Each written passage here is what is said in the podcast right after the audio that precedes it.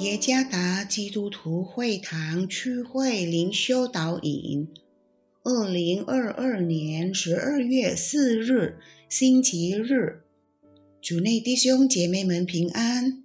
今天的灵修导引，我们要借着圣经诗篇八十篇第一到十九节来思想今天的主题：绝望中的呼求。作者。沈天良传道，诗篇八十篇第一到十九节。亚萨的诗交与灵长，调用为正的百合花。领约瑟如领羊群之以色列的牧者啊，求你留心听；坐在二基路伯上的啊，求你发出光来。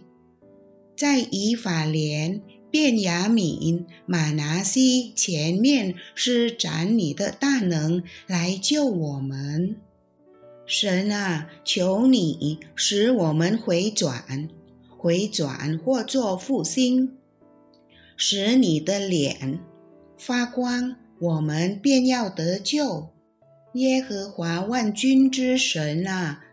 你向你百姓的祷告发怒，要到几时呢？你以眼泪当食物给他们吃，又多亮出眼泪给他们喝。你使邻邦因我们纷争，我们的仇敌彼此嬉笑。万军之神啊，求你！使我们回转，使你的脸发光，我们便要得救。你从埃及挪出一棵葡萄树，赶出外邦人，把这树栽上。你在这树跟前预备了地方，它就深深扎根，爬满了地。它的影子遮满了山，枝子。好像佳美的香柏树，它发出枝子，长到大海；发出蔓子，延到大河。你为何拆毁这树的篱笆，任凭一切过路的人摘取？林中出来的野猪把它糟蹋，野地的走兽拿它当食物。万军之神啊，求你回转，从天上垂看，眷顾这葡萄树，保护你右手所摘的和你为自己所坚固的枝子。这树已经被火焚烧，被刀砍伐，他们因你脸上的怒容就灭亡了。愿你的手。扶持你右边的人，就是你为自己所坚固的人子，这样我们便不退后离开你。求你救活我们，我们就要求告你的名，耶和华万军之神啊！求你使我们回转，使你的脸发光，我们便要得救。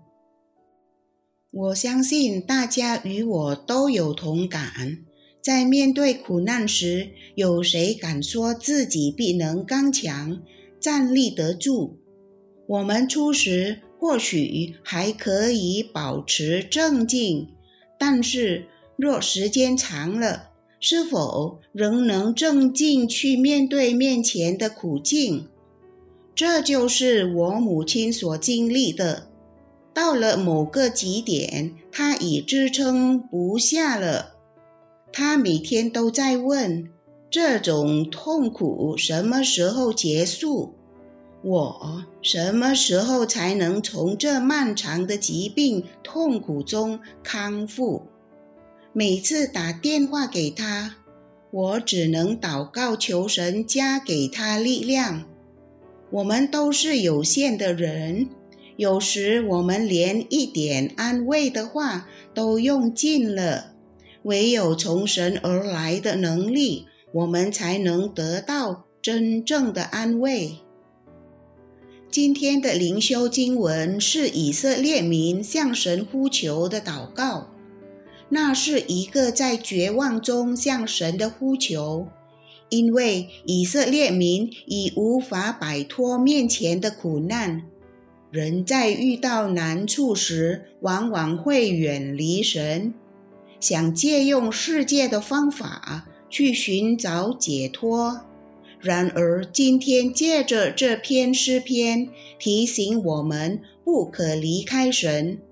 当面对生活的苦难时，我们需要更亲近神，因为唯有在神里面，我们所面对的苦难才会得到真正的解脱。今天，信徒在生活中面临的每一个问题和挑战。都不容易。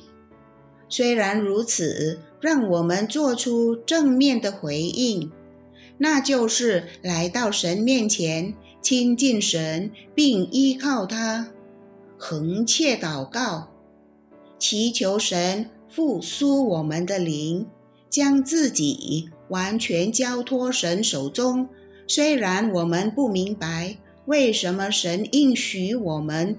经历这一切苦难，这是神在我们身上的计划，要借着这一切苦难，使我们得益处。